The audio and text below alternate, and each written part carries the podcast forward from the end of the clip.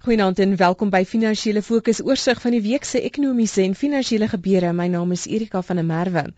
Markspelers die wêreld oor het sommer vinnig weer hulle risiko-update gevind met die Amerikaanse Federale Reserveraad se aankondiging dat sy beleidskoers vir heelwat langer baie laag sal bly. Die Reservebank van die wêreld se grootste ekonomie het dit ook duidelik gestel dat hy reg staan om die nodige stimulus te bied indien dit nodig is. Nou gegee die verknorsing waarin Europa sit terwyl rykes en slimmes in Davos, Switserland gesels oor oplossings vir westerse demokratiese kapitalisme, is dit 'n welkome aanduiding. Die Suid-Afrikaanse aandelemark wat reeds op rekord nominale hoogtepunte verhandel het sedert verlede week, het verdere momentum gevind. Ek gesels met Ronel Oberholse, senior ekonom by IHS Global Insight en Omri Thomas, fondsbestuurder by Abax Investments. Goeienaand. Goeienaand Erika. Om die jaar het baie sterk begin en ek dink as vir die tegniese ontleeders lyk dit my is dit 'n baie goeie teken vir dit wat ons vorentoe kan verwag, maar mens kan nie help om bietjie ongemaklik te voel met wat ons gesien het nie. Ja, Erika, dit is weer een van daai voorbeelde van van die Januarie effek wat hulle noem. Mense kom terug van hulle Desember vakansie uitgerus en en is lus vir die nuwe jaar en dan eh uh, dan doen die mark gewoonlik goed. So ons het 'n baie sterk begin gehad tot hierdie jaar sover, maar soos jy reg opmerk, ehm um, nog baie probleme in die wêreld nie uitgesorteer nie, so dit dit maak mens bietjie uh, benoud. Ronald vanuit 'n ekonomiese perspektief, daar's baie om oor te praat. Ons praat nou al maande lank daaroor.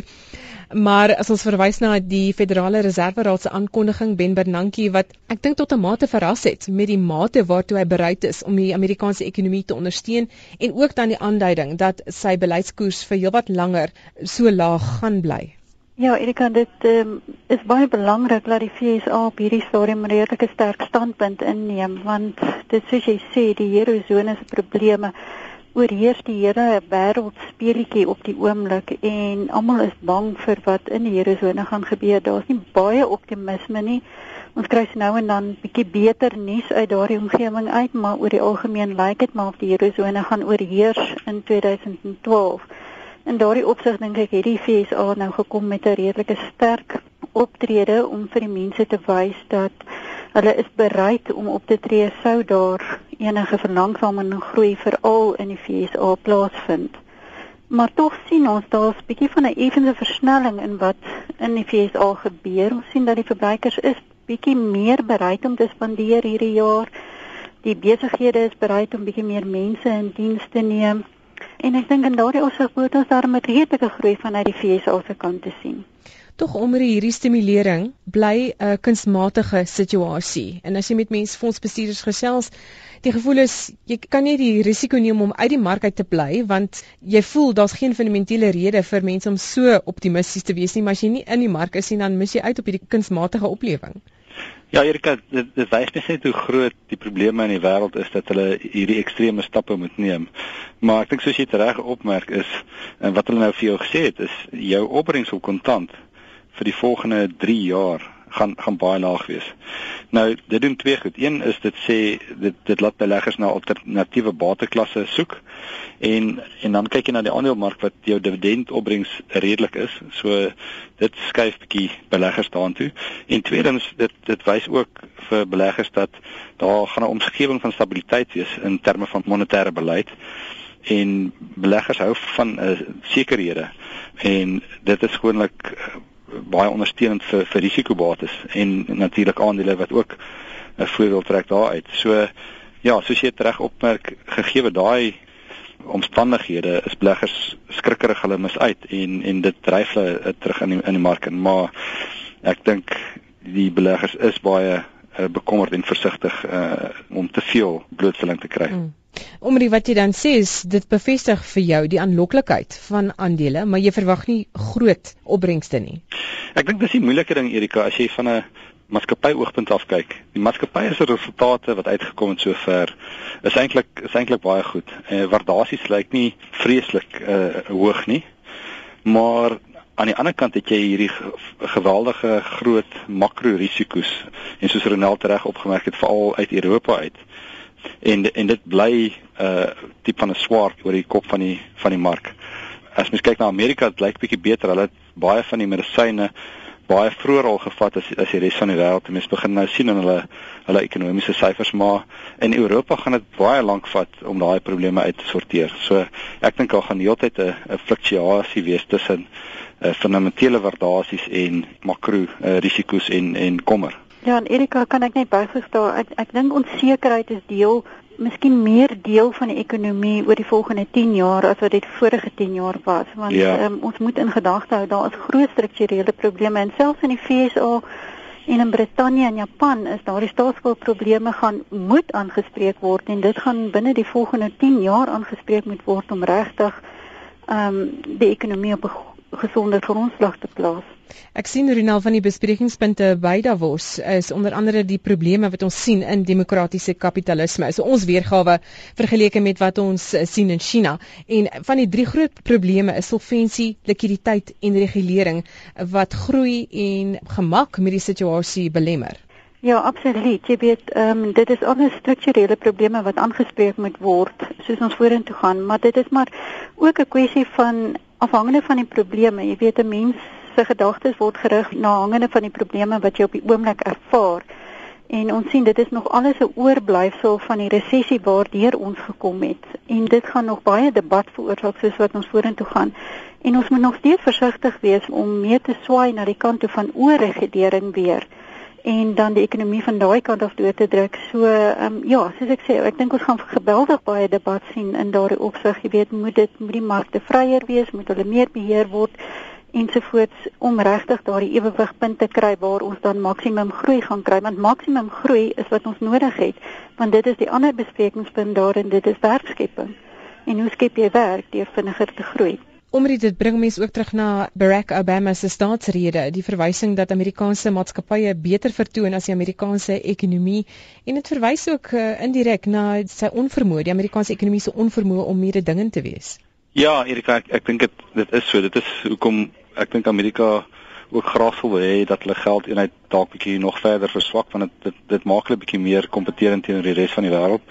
Maar as jy nou kyk na die maatskappye se resultate, dan kan mens verstaan hoekom uh, Barack Obama sê hulle doen beter as die ekonomie want sover hierdie jaar het 80% van die Amerikaanse maatskappye al winste gerapporteer en oor die 50% van daai 80 het uh, vooruitskattinge of beter gedoen as vooruitskattinge. So die die maatskappye doen doen goed, maar dit is ongelukkig uh, om verkeerde redes. Baie van dit is oor hulle uh, werke gesny het en en koste sny en minder kapitaal investeer so dit is nie so soveel op die op die verkoopslyn nie en ek dink dit is die uitdaging is om regtig weer groei aan te wakker. Ja. Ehm ja. um, en ek dink dit is hoekom baie van hulle inisiatiewe is om om verder groei aan te wakker. So ek dink Amerikaanse maatskappye se marges is op rekord hoogtepunte, maar soos jy sê, dis dis kostebesnoeiing en is hulle hou hulle kontant vas. Dis reg, ja.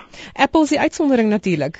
Ja, Erika, dit is mens kan nie glo hoe daai groei net net voortduur nie die een ding wat dit ooreenstem is hulle sit nou met oor die 100 miljard dollar uh, kontant. Uh, hulle is meer solvent as meeste van die ontwikkelde lande en en daai groei uh, lyk net of dit of dit nog verder 'n uh, momentum kry. Daar's nou sprake dat hulle Apple TV gaan gaan begin mee en ook die fotografie mark ernstig gaan toetree tot dit. So dit gaan baie interessant wees om te sien wat se nuwe produk en innovasie hulle daarmee vorendag kom. Ronald, waar laat al hierdie dinge Suid-Afrika? Ons president het gesels by Davos. Hy reken die regering bied genoegsame ondersteuning vir ons eie ekonomie vir groei en vir werkskepping. Ek dink nie alle ekonome stem noodwendig saam met hom nie. Ja, Erika, ons ons ekonomie het bepaalde probleme en ehm um, baie daarvan is dan ook struktureel en moeilik om op te los. Soos ons vorentoe gaan, die die werkskeppingsprobleem is 'n baie sentrale tema wat 'n baie sentrale tema gaan bly soos wat ons vorentoe gaan. Maar ek dink as ons na die Suid-Afrikaanse ekonomie kyk vir hierdie jaar is daar vir my so vier temas wat regtig uitstaan en dit is natuurlik wat gaan ons uitvoere doen en die uitvoere hang af natuurlik wat Europa gaan doen. FSA en China. Nou Europa het ons gesê is maar nie 'n baie goeie storie nie. FSA lyk so bietjie beter. China lyk nog lyk nog of hy darm groei. So aan die uitvoere kant dink ek moet ons miskien 'n bietjie rooi ligte sien. Baie van ons vervaardigde uitvoere gaan na Europa toe. Ander tema vir my is wat wat gaan monetêre beleid doen? Gaan ons soos die res van die wêreld 'n baie akkommoderende monetêre beleid hê vir die res van die jaar en miskien in 2013 in. Op hierdie stadium voorsien ons dat ons selfs hier teen die einde van die jaar al kan begin kyk na rentekoersstygings. Fiskale beleid is vir my ook 'n belangrike tema. Daar is natuurlik geen spasie nie. Ons kan sien op die fiskale kant sou dit nodig wees om die ekonomie te ondersteun van die fiskale kant af. Gaan dit 'n probleem wees want daar is geen fiskale spasie op hierdie stadium nie. En dan die politiek, soos jy tereg dan ook verwys het, jy weet, um, dit is wat bepaal of investeerders bereid is om na jou land toe te kom wat gaan gebeur met beleid vorentoe met die ANC se konferensie teen die middel en die einde van die jaar. Dit gaan alles bepalend wees van wat die rand gaan doen en natuurlik wat investeerders se se idee van die land gaan wees. Intussen omrie moet hierdie groot maatskappye maar voortgaan met hulle beplanning. As jy kyk na die groot uitgebreide hulpbronmaatskappye soos BHP Billiton, Rio Tinto, Anglo American, hulle gaan maar nog steeds voort met hulle kapitale investering. Anglo American het sy produksieverslag gelewer in die week. 'n Gemengde syfers, maar Eiserers byvoorbeeld nuwe rekordhoogtepunte soos die ander nou al ook gesê het. Ja, Erika, uh, heeltemal reg. Uh, hierdie maatskappye vat wat langtermynsienings en kapitaalprojekte vat vat jare om van die been af te kom. Hulle balansheid staat lyk like redelik gesond. Ehm um, so hulle meeste van hulle uh, gaan maar voort met hulle kapitaalbestedingsplanne. Uh, China se vraag is nog is nog steeds sterk. Nou daar's kommer of of China gaan afkoel, maar al koel hulle af, hulle afkoel is om net 7% te groei, nie 10% nie. Wat nog steeds 'n uh, geweldige sterk groei is. So ek dink die maatskappye moet 'n langtermynsiening neem en maar net seker maak dat hulle projekte aan die lae kant van die kostestruktuur is. So as mens kyk na Engelse produksieopdatering soos jy gesê gemeng, maar in geheel sou ons sê dit is 'n redelike goeie uh, produksieopdatering en daar's sterk kapitaalprojekte vorentoe ook daar. Ek wil jou ook vra oor Reinet, die Rupert se beleggingsmaatskappy. Hy wil nou meer tyd hê om sy aandelehouding in British American Tobacco af te verkoop. Blykbaar voel hulle gemakliker om, om in hierdie onstuimige onsekere tye vas te hou aan daardie defensiewe aandele. Ja, Erika, die die kommer was dat hulle hulle aandelehouding in in British American Tobacco na na onder 30% uh, moet verlaag uh, voor Oktober uh, hierdie jaar en uh, hulle sit natuurlik met 'n geweldige groot aandelehouding in in British American Tobacco en dit is dit is baie verblydend om te sien dat hulle wel met die uh, uh, reguleerder kon ooreenkom dat hulle vir langer kan aanhou mits hulle aandeelhouers goedkeuring kry. Nee, ek dink aandeelhouers sal baie bly wees oor oor hierdie verwikkeling en en hulle gaan nie sukkel om daai goedkeuring te kry nie. So 'n mens wil eerder hê hulle moet dit op die regte tyd verkoop eerder as om dit vinnig te moet afverkoop en dalk nie die beste pryse te kry daarvoor nie.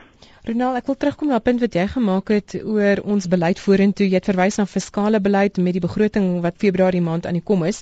Jy het gesê die regering het eintlik geen fiskale ruimte om te verslap nie, maar dit vereis tog sekerlik ook 'n sekere politieke wil om gedissiplineerd te wees. En mense wonder of daar 'n bietjie wankelrigheid is in daai dissipline. Absoluut, ehm um, Erika, dit is baie belangrik om fiskale dissipline te hê. Ons sien veral dat die regering se lopende spandering is geweldig hoog. En as daar enige spandering aan die kapitaalkant wil wees en dit is tog maar die kant van die ekonomie wat jy wil stimuleer as daar enige probleme is en dit is die kapitaalkant daarvoor.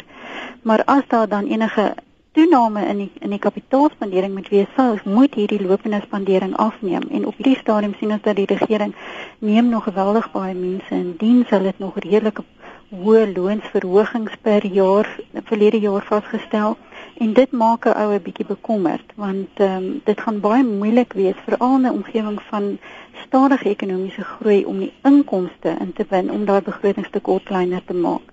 So dit is wat my bietjie bekommerd maak dat daar nie fiskale spasie is om die ekonomie enigstens te ondersteun nie. Omdat so dis die omgewing waarin jy werk, kan dit nou nie verstaan nie. Ek moet jou vra wat wat is jou huidige aandelekeuses? Ja, Erika, dit is dis dis dis reg moeilik veral met die 'n uh, mark wat so sterk geloop het, maar ek dink nog steeds mens moet kyk om 'n uh, redelike defensiewe element tot mense portefeulje te hê.